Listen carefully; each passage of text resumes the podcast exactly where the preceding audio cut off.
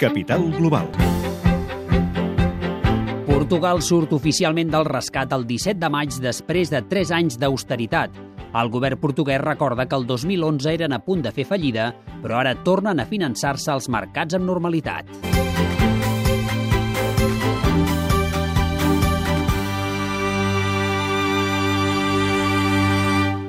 3 de maig del 2011. José Sócrates, primer ministre portuguès.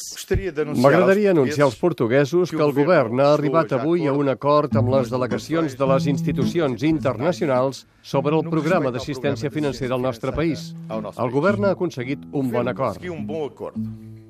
Este é um acordo que defende Portugal. Agustí Uliet, professor de SADE. Els impostos han pujat moltíssim, les pagues dels funcionaris, dels pensionistes s'han perdut, l'IVA continua pujant, la darrera pujada l'ha posat al 23%. Susana Peralta, professora d'Economia a la Nova School Business and Economics. Toda la administración pública, digamos, una disminución muy, muy importante de los sueldos, del nivel del servicio en educación, sobre todo en los hospitales. Ha augmentat el copagament sanitari.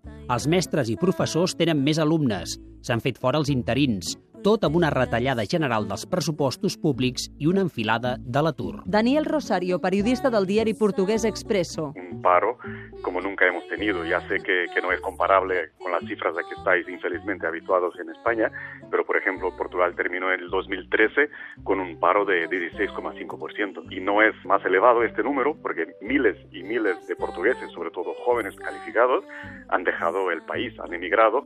Però l'atur ha anat baixant i ara és el 15%. Després de 3 anys, el govern vol mirar endavant. Paulo Portas, ministre d'Afers Estrangers. Tots nesta mesa Tots en aquesta taula i a la del Consell de Ministres compartim amb molts portuguesos un sentiment, missió completa. de missão cumprida. Yo me parece que la afirmación de Portas pues hay que ponerla en contexto. Sí que hay una misión que está cumplida, pero con un coste muy grande. Este governo é o abismo onde a lei foi invertida. Priva uma vida bandida, parecida. Pobreza estabelecida, nobreza foi absolvida. Porque eles vivem do teu esforço, tua honra foi esquecida. Malgrat que el deute públic és al 130% del PIB, el tercer d'Europa, sí que s'ha redreçat el dèficit públic i els interessos pel finançament públic, un mèrit compartit però amb el Banc Central Europeu. Pero yo pienso que en un país donde hay 22% de, de crianzas, de niños que viven a- a- en familias, donde cada persona tiene menos de 409 euros al mes para vivir, Les retallades han fet més restrictiu rebre la renda mínima d'inserció, 178 euros al mes pels adults i 53 pels nens. bajado casi 100.000 o 90.000 beneficiarios en momentos de crisis. ¿Qué misión hemos cumplido aquí?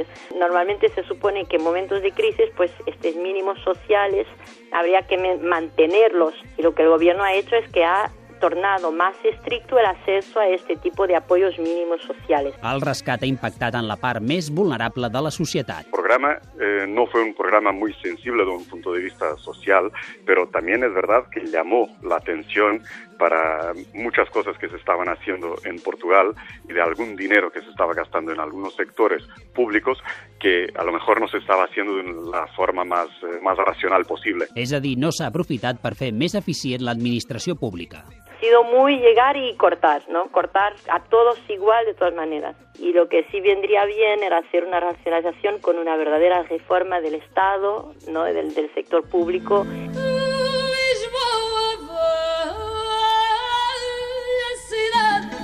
Els creditors supervisaran Portugal fins que no torni els 78.000 milions d'euros del préstec.